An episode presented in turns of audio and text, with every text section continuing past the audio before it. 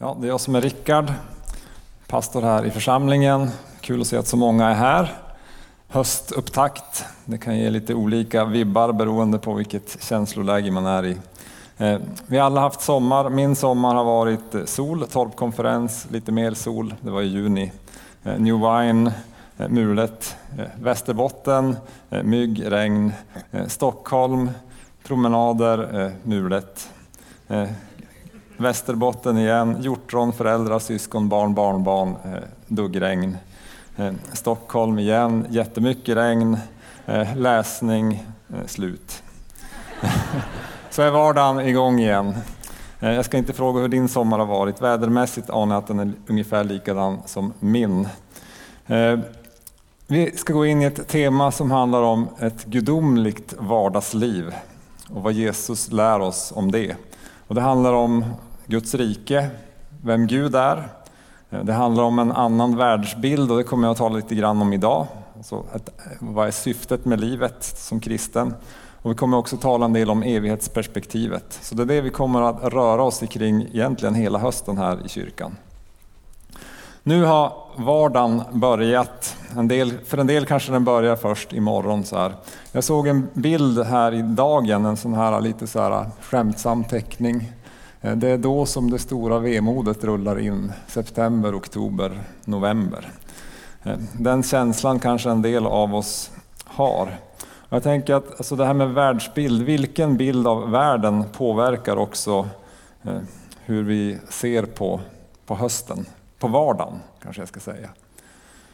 Vi brukar prata om den grå vardagen och när man är så här i slutet på augusti så är det ett gäng grå dagar framför oss. Du kan plocka ner bilden här nu. Världsbilden påverkar hur vi tänker. Så de flesta människor i vårt land har en ganska naturalistisk världsbild. Alltså allt kan förklaras naturvetenskapligt. Det är det vi ser, hör och kan ta på som är verkligheten. Det fysiska. Och då blir ju vädret väldigt viktigt för det är något som vi kan se och känna och ta på. Och, så här. och det påverkar ju också våra känslor på olika sätt. Det här är också kombinerat, och nu är det här förstås väldigt generellt som jag pratar här, men kombinerat med en självcentrerad världsbild där jaget är i centrum, våran individualism. Och där livet på något sätt handlar om att maximera min upplevelse av det här livet.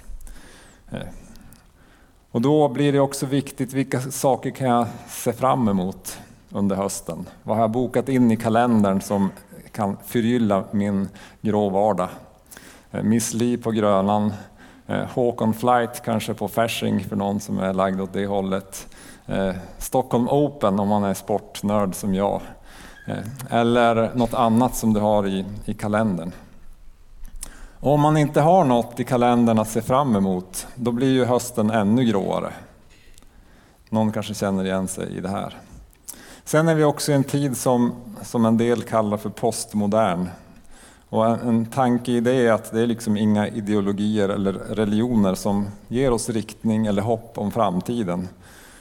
Alltså vi har ingen ljus framtid utan det är ju nu som livet sker.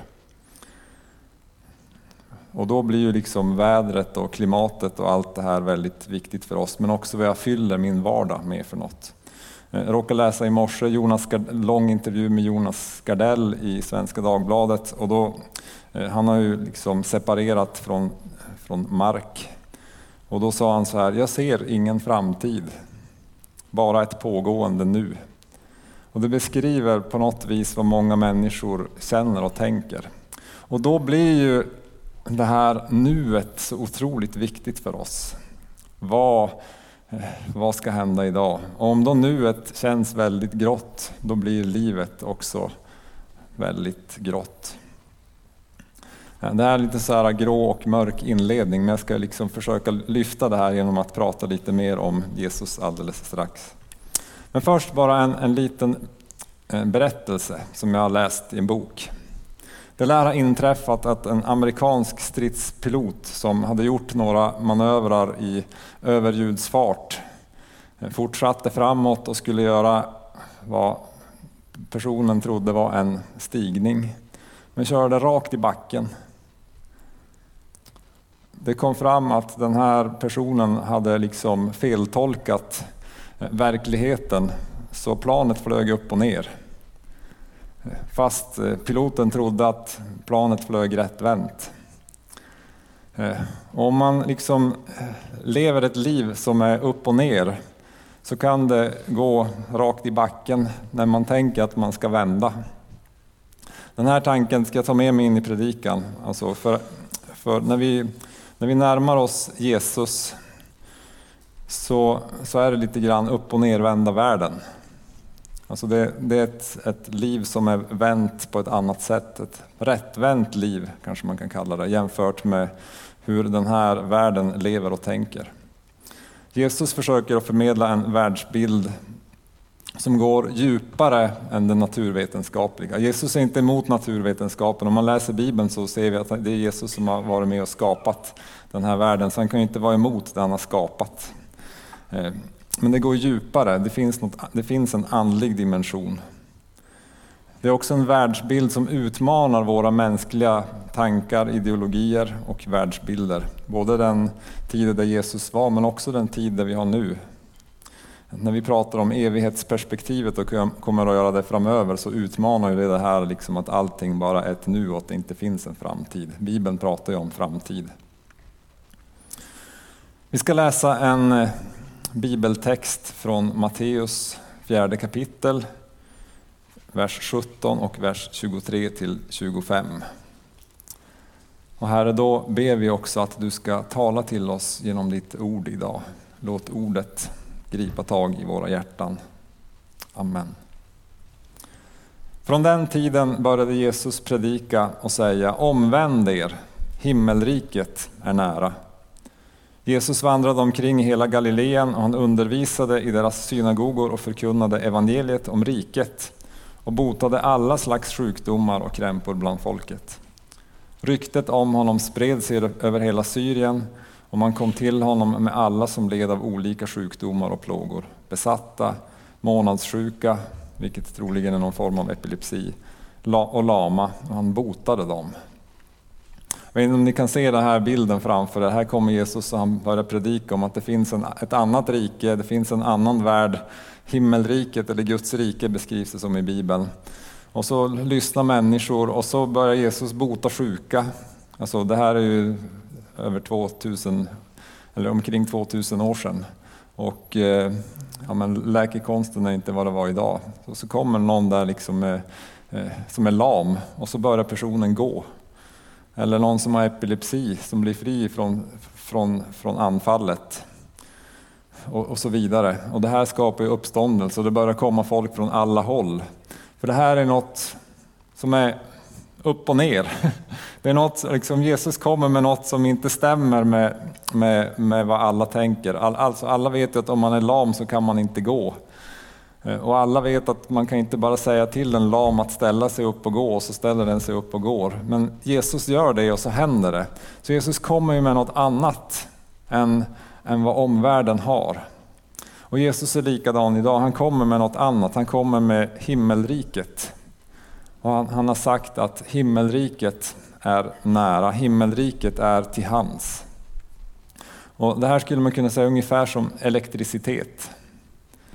Alltså elektricitet finns till hands. Men bara när man kopplar in sig på det. Alltså, vi kan ha hur fina lampor som helst här inne i kyrkan, men om vi inte kopplar ihop det med liksom systemet med elektricitet så, så händer det ingenting. Och så är det också med, med himmelriket. Vi behöver koppla in oss på det för att någonting ska hända, för att det här ska vändas rätt. För att kunna se världen med Jesus rättvända perspektiv. Jesus kallar oss att omvända oss. Att vända om, eller kanske vända om så här, så att vi ser världen rättvänd. Att Guds rike är nära. Jesus vänder också upp och ner på den här naturvetenskapliga världsbilden just genom att bota sjuka, tala till sjukdomar.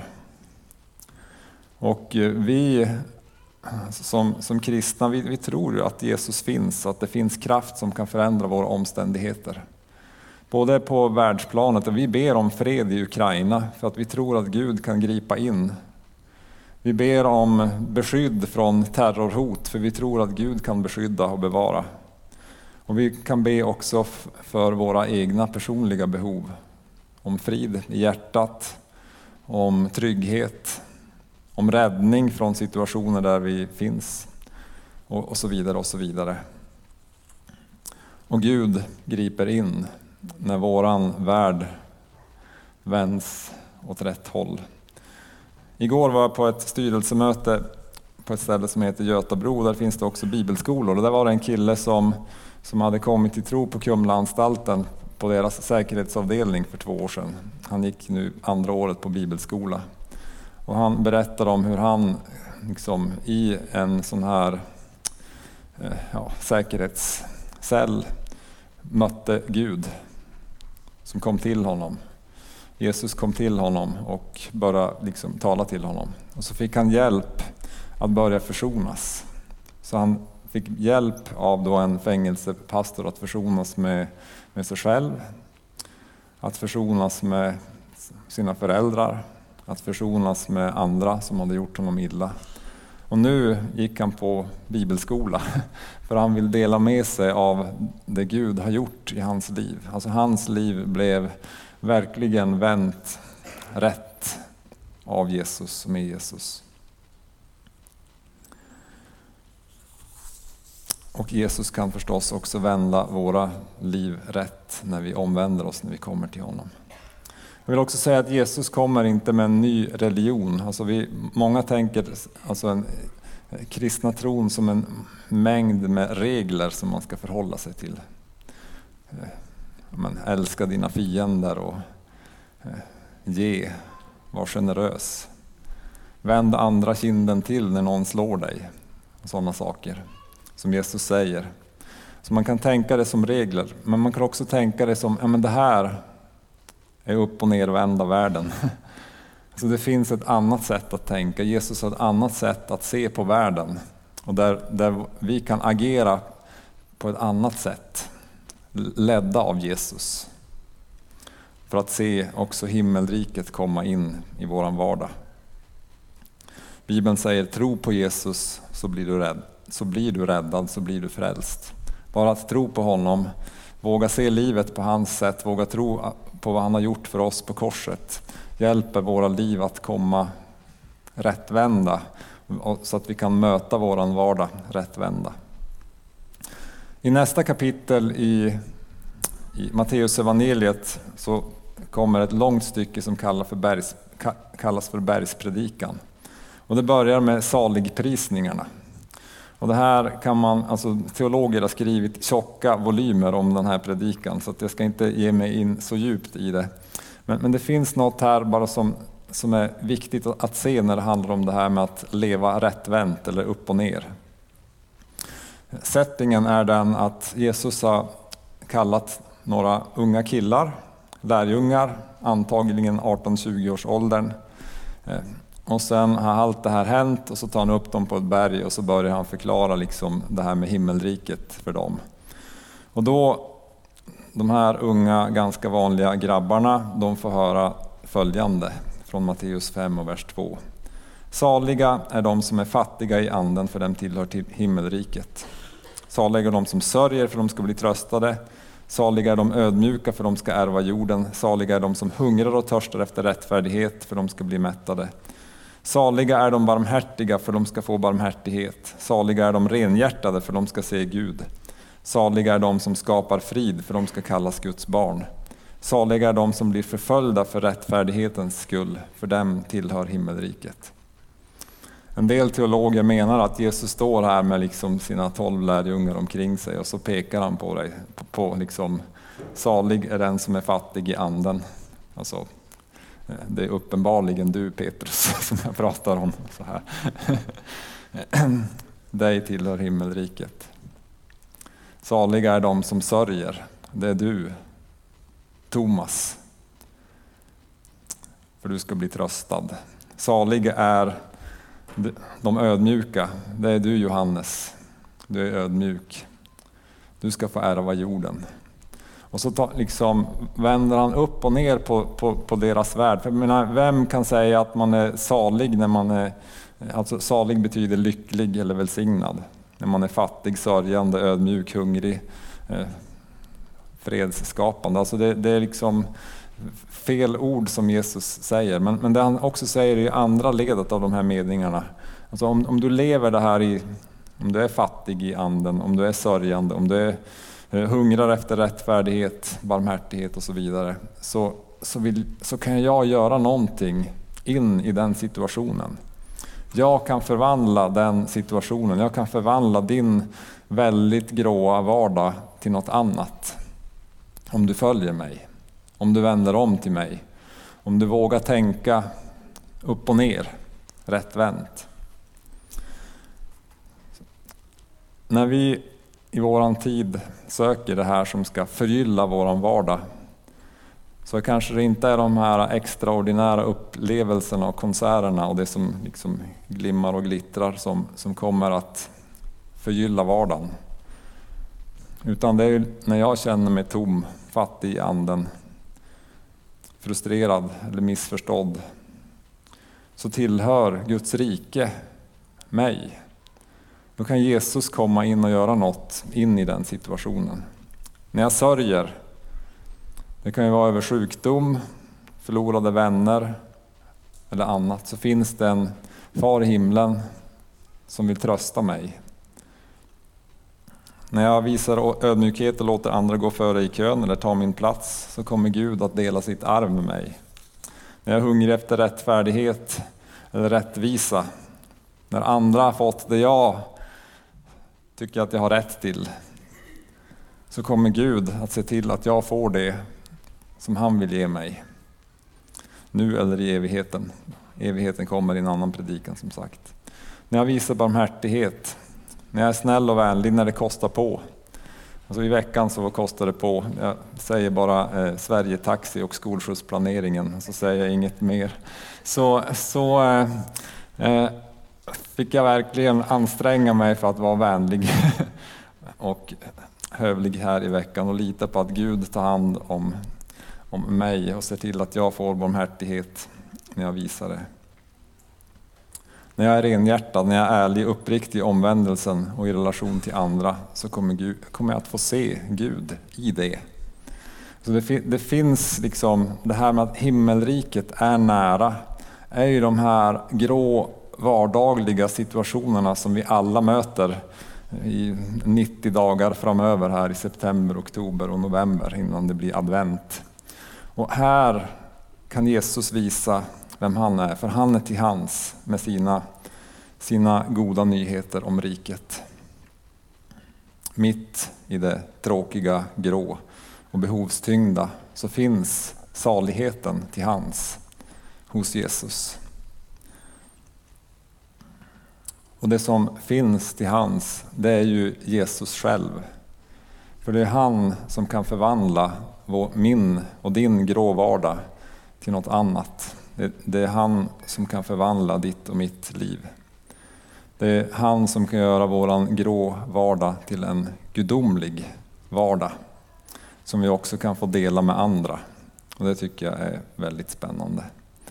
Så när det är som mest grått så är Guds rike, himmelriket som närmast. Det är Jesus budskap. Och för att se det så kanske vi behöver vända om, flyga rättvända in i den här hösten, in i vardagen. De goda nyheterna till dig är att du behöver inte jaga coola upplevelser och ständiga lyckokickar för att döva oron för framtiden, för Jesus är tillgänglig idag. Guds rike är nära här och nu. Saligheten är tillgänglig. Lyckan är tillgänglig där du är. För att Jesus är nära dig.